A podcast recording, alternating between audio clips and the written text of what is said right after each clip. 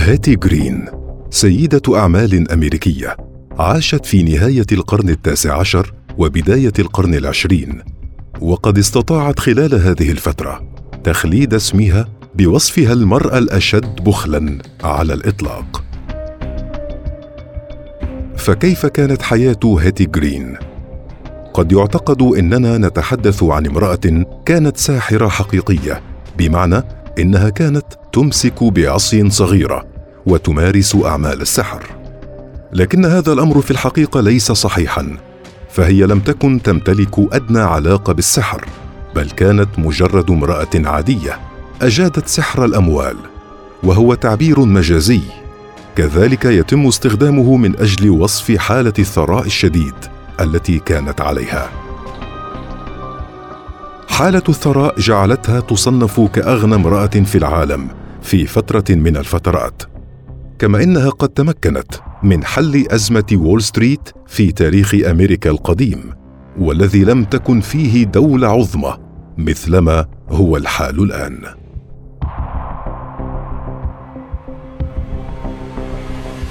ولدت هيتي جرين في الحادي عشر من نوفمبر عام 1834 في ولاية ماساتشوستس الموجودة في الولايات المتحدة الأمريكية.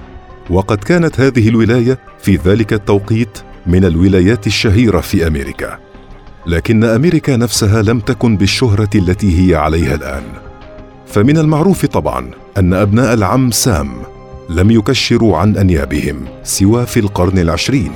وقد كان ظهورهم القوي بمظهر الأبطال وحماة العالم خلال الحرب العالمية الثانية.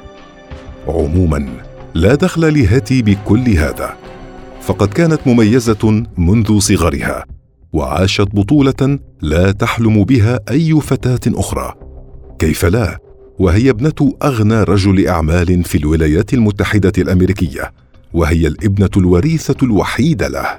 فقد وصلت درجة الثراء التي نعم والدها بها إلى الحد الذي جعلهما مالكين لأسطول بحري كامل.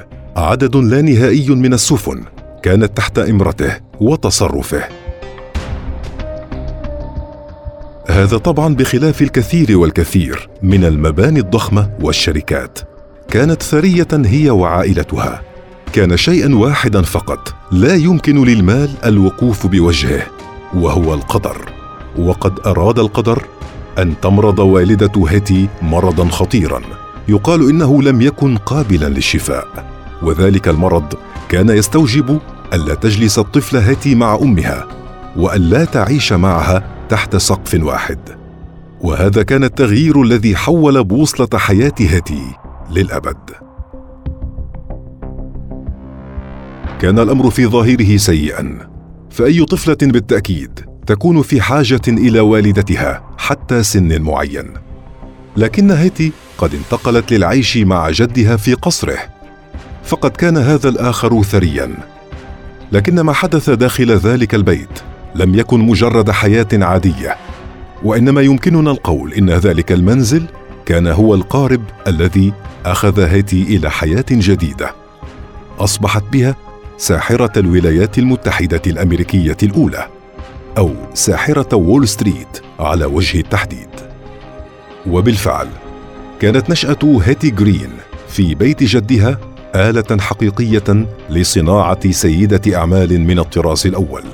فقد كان جد هيتي عاشقا للاقتصاد وبالتالي كان يطلب من هيتي كل ليلة أن تقرأ له الجرائد الاقتصادية وأيضا كانت الفتاة الصغيرة تقرأ الوثائق المالية. لذلك تم عجنها بعجينة الشخصية الاقتصادية. لكن هل يكفي هذا؟ في سن الرابعة عشر فقط. تعينت هاتي كمحاسبة للأسرة بأكملها. وقد كانت تلك الأسرة بالطبع تمتلك تاريخا اقتصاديا كبيرا وعددا لا بأس به من الحسابات المصرفية والمتاجر. كل هذا كان تحت إمرة هيتي التي بدا واضحا أنها تربى كي تصبح فيما بعد غولا اقتصاديا جديدا حتى دراستها في جامعة بوسطن عند تجاوزها لسن السادسة عشر. كان متخصصا كذلك في المال والأعمال وهكذا بالضبط يتم صناعة سيدة الأعمال المثالية. صحيح أن هاتي كانت ثرية لكنها لم تكن ثرية بنفسها بل كانت عائلتها هي الثرية وكانت الفتاة فقط تحت كنفهم بمعنى أن الأموال لم تكن لها ويحق لها التصرف بها في أي وقت لكن في عام 1864 تغير هذا الأمر. حيث ورثت هيتي من والدها المتوفى ثروة كبيرة بحساب ذلك التوقيت فقد كان الإرث حوالي سبعة ملايين دولار. وإذا أردت تحويل هذا المبلغ إلى أموال الزمن الحالي فسوف تكون القيمة حوالي 150 مليون دولار. تخيلوا أن فتاة بالكاد تتجاوز الخامسة والعشرين من عمرها تمتلك كل هذه الأموال. ما الذي ستفعله بها يا ترى؟ وفي ظروف طبيعية لفتاة طبيعية من فتيات أمريكا كان من الممكن جدا أن تبدأ هاتي بجلب كل أنواع المتعة لها. فهي تمتلك المال الوفير الذي يمكنها من خلاله شراء ما تشاء وقضاء أمتع فترات حياتها. لكن العقلية الاقتصادية التي تربت عليها جعلتها تستغل ذلك المال جيدا من خلال شراء سندات حرب. فقد كانت الحرب الأهلية في الولايات المتحدة الأمريكية مشتعلة في ذلك التوقيت. وهو ما انعكس على الأموال التي اشترت بها هذه السندات والتي تضاعفت إلى أضعاف مضاعفة لتتحول السيدة الثرية إلى سيدة فاحشة الثراء. وربما مع ذكر كل ما مضى تقولون أننا نتحدث عن سيدة عظمى بحق لكن ذلك فقط الجانب المضيء في قصتها. بقي لكم معرفة الجانب المظلم المتعلق بالبخل. في البداية يجب أن تعرفوا امرا هاما جدا وهو أن هاتي جرين وعندما توفيت كان في خزائنها ما يزيد عن المئتي مليون دولار. وهو رقم يعني أننا نتحدث عن سيدة كانت تعيش في حالة ثراء لا حد لها حيث أن تلك الثروة سابقا كانت تشبه المئتي مليار حاليا. لكن لحظة واحدة لا تتسرع بالحكم على حياة امرأة ثرية مثل جرين فهي ضربت أبرع الأمثلة في البخل فقد تزوجت هيتي جرين وأنجبت اطفالا.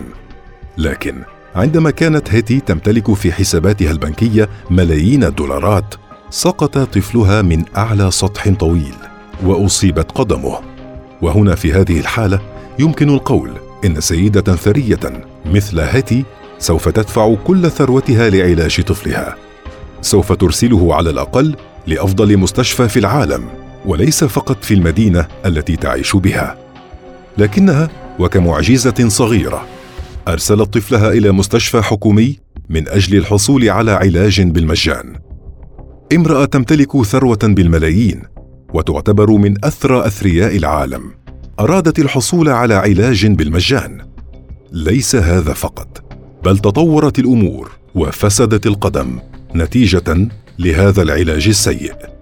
وعليه فقد تم قطع القدم لتكون هذه اللعنة الأولى لبخل هيتي جرين الشنيع. ومن البديهي أن امرأة بهذا الثراء سوف تنشئ شركة محاسبة كبيرة لإدارة مالها. وسوف تعين موظفين مرموقين قادرين على مساعدتها في تحقيق هذا الغرض. لكن وللغرابة الشديدة حجزت هاتي مكتبا صغيرا بإيجار قليل. وكدست فيه كل الأوراق والسندات. وأيضا لم تعين موظفا واحدا ولو حتى من أجل حمل كل هذه الأوراق التي تحوي مصالحها. وقد كان المنظر مدهشا للجميع وهم يرون هاتي بكل هذا الثراء. وفي نفس الوقت لا تجد لها مكتبا وموظفين من أجل المساعدة. أما بالنسبة لمنزل السيدة الأكثر ثراء في ذلك التوقيت وربما السيدة الأولى من حيث الثراء في التاريخ بأكمله. فاولا هذا المنزل لا يدل حتى على أنه منزل لموظف يتقاضى ألف دولار في الشهر. هذا الأمر يتضح بشدة من الأثاث البالي وكذلك الطعام والذي كان كارثة حقيقية حيث أن هيتي لم تأكل اللحوم والشحوم وإنما كان طعامها عبارة عن فطيرة صغيرة وقد ظلت تأكلها لفترة طويلة. أما إذا اتجهت إلى الدولاب وكلنا نعرف طبعا ما الذي يعنيه الدولاب بالنسبة للنساء فلن تجد سوى فستان واحد أسود. وهذا الفستان هو الشيء الوحيد الذي كانت ترتديه هيتي في كل المناسبات سواء كانت سعيدة أو حزينة قريبة أو بعيدة.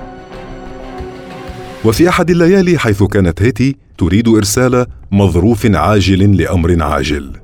وكان يلزمها شراء طابع من أجل الإرسال إلا أن الطابع الرخيص الذي كانت تتعامل به لم يكن موجودا. وكان ثمة طابع آخر يزيد عنه بمبلغ صغير. لكن هيتي حتى لا تدفع هذا المبلغ لم تشتري الطابع ولم ترسل المظروف لتتعطل أحد المصالح الهامة بالملايين فقط من أجل مبلغ صغير في طابع بريد. ولم يترك البخل هيتي جرين حتى عند موتها والذي جاء بالمناسبة في عمر الحادية والثمانين. فقد قيل إنها في هذا العمر جلبت خادمة من أجل خدمتها والقيام بمشاغل البيت التي من الصعب على أي امرأة في هذا العمر القيام بها.